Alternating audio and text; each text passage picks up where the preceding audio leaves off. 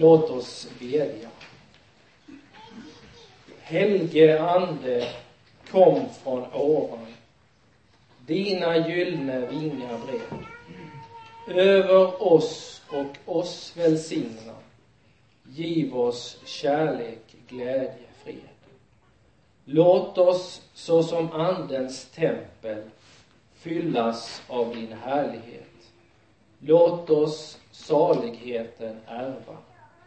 Dina bli i evighet. Amen.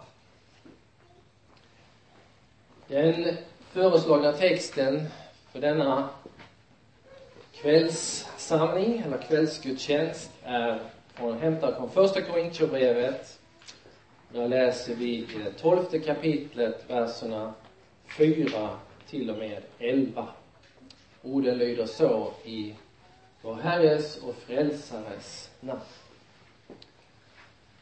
Det finns olika nådegåvor, men anden är densamma. Det finns olika tjänster, men Herren är densamma. Det finns olika kraftgärningar, men Gud är densamme, han som verkar allt i alla. Men hos var och en visar sig anden så att det blir till nytta. Den ene får av anden ord av vishet. Den andra får ord av kunskap genom samma ande. En får tro genom samma ande. En får gåvor att bota sjuka genom samma ande. En annan att göra kraftgärningar. En får gåvan att profetera, en annan att skilja mellan andar.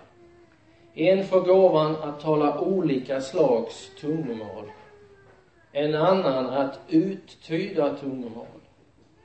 Men i allt detta verkar en och samma ande som fördelar sina gåvor åt var och en som han vill. Amen. Herre, helga oss i sanning. Ditt ord är en helig och evig sanning. Amen. När den första kristna församlingen grundades så läser vi i Apostlärningarna 2 att tungor som av eld fördelade sig och stannade på var och en av dem. Ingen blev utan andens eld, utan den hade lågor för alla.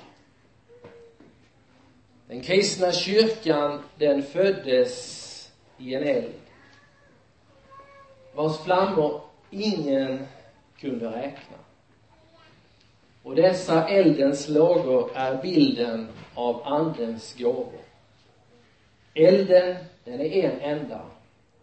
Men lågorna, de är oräkneliga. Var och en har fått sin egen gåva. Men vad var det nu som hade hänt i Korint?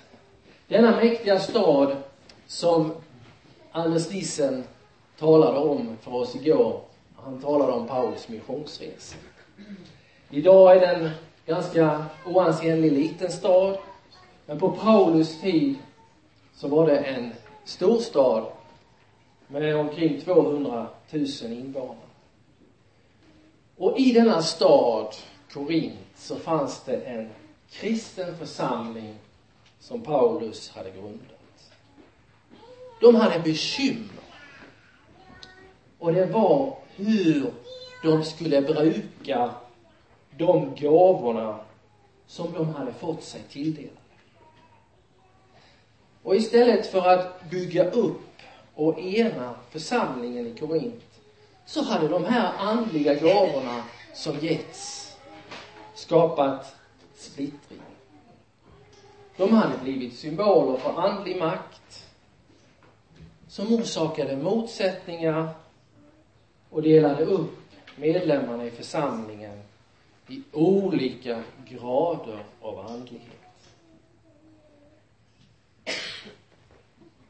Man gjorde ett missbruk av något som Gud i grunden hade skapat och gjort gott. Där han hade delat ut gåvor. Var och en hade fått sig tillmätt. När jag kom till Sankt Markus församling 2002 så lärde mig Alva Svensson en mycket värdefull sak. Hans ambition, det var att varje församlingsmedlem skulle ha åtminstone en uppgift. Och dessa uppgifter, de kunde vara av skiftande slag. Som att ta ner siffrorna till de psalmer som vi sjungit på söndagen. Och se till att det fanns altarljus för att pryda altaret. Han ville med detta lära oss alla två saker. För det första, att göra oss delaktiga i församlingen. Och för det andra, att det som syns enkelt och obetydligt har sin alldeles särskilda plats i varje församling.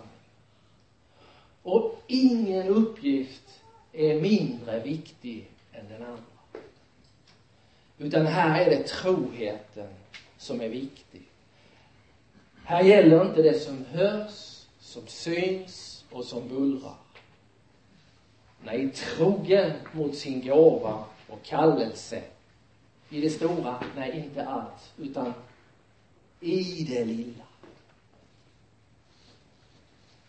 Den tjänaren, säger den heliga skrift, du har varit trogen i det lilla. Jag ska sätta dig över mycket. Gå in i din Herres glädje. Vad har vi då för bibelställe som vi grundar detta på? I Romarbrevet så skriver Paulus något som är mycket viktigt. Gud ångrar inte sina gåvor och sin kallelse. Därför kan vi också säga att våra andliga gåvor, även om de är olika, de är alla nyttiga så att vi kan arbeta tillsammans för att tjäna Gud och varandra. För liksom vi i en enda kropp har många, lem, har många lemmar och alla lemmar inte har samma uppgift, så är vi många en enda kropp i Kristus. Men var för sig är vi varandras lemmar. Vi har olika gåvor, allt efter den nåd vi har fått. Profetisk gåva i förhållande till vår tro, tjänandets gåva hos den som tjänar, undervisningens gåva åt den som undervisar, trösten hos den som tröstar och gåvan att frikostigt dela med sig, att vara nitisk, som ledare och med ett glatt hjärta visa barmhärtighet.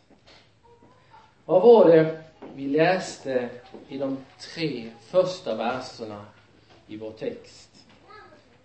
Det finns olika nådegåvor, men anden är densamma.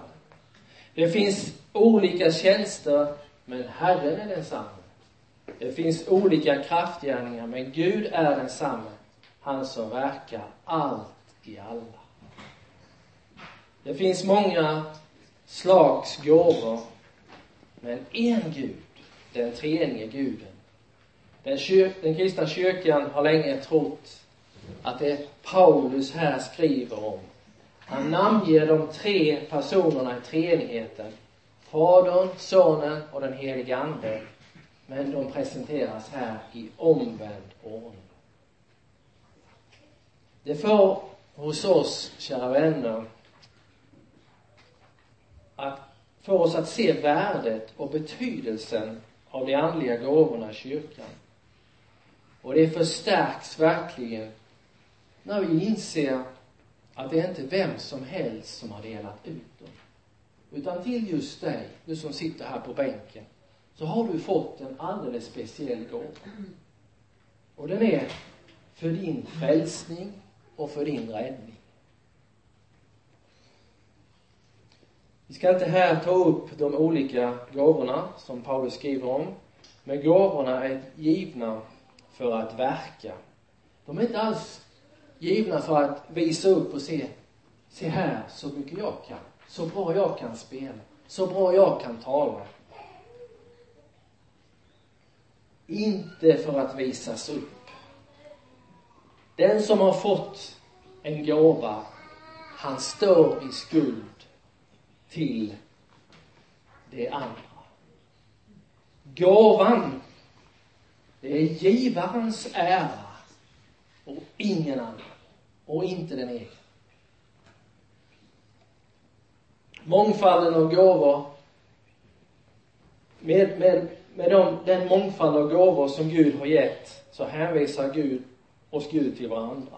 Den som ringaktar sin gåva, han gör ju egentligen som mannen i vår bibel som grävde ner sitt pund. Och gräver man ner sitt pund, då skapar du lätt oro och förvirring i församlingen. Gåvorna är till för att hans vilja ska ske. Hans rike får framgång här ibland oss. Om din gåva inte får komma till nytta, då händer det som Gud inte vill ska hända. Då fungerar inte andens verkstad, om vi får uttrycka oss så, efter Guds tanke. Vi har olika gåvor och vi har olika sätt att tjäna samma Herre. Så håller anden denna mångfald sammans. Vi ser det här på ett läger som detta. Så många gåvor och så många som har hjälpt till. Och utan de olika gåvorna så hade vi inte kunnat hålla detta läger. Gud är stor i sin rikedom mot oss alla. Och vi får se det som en tacksamhet till Gud som ger oss så mycket. Han ger oss mer än vi kan bedja om. Och nu har vi att förvalta dessa rikedomar som vi fått genom den heliga Ande. När gåvorna förtjänar enheten, då blir de till stor nytta. Amen. Amen.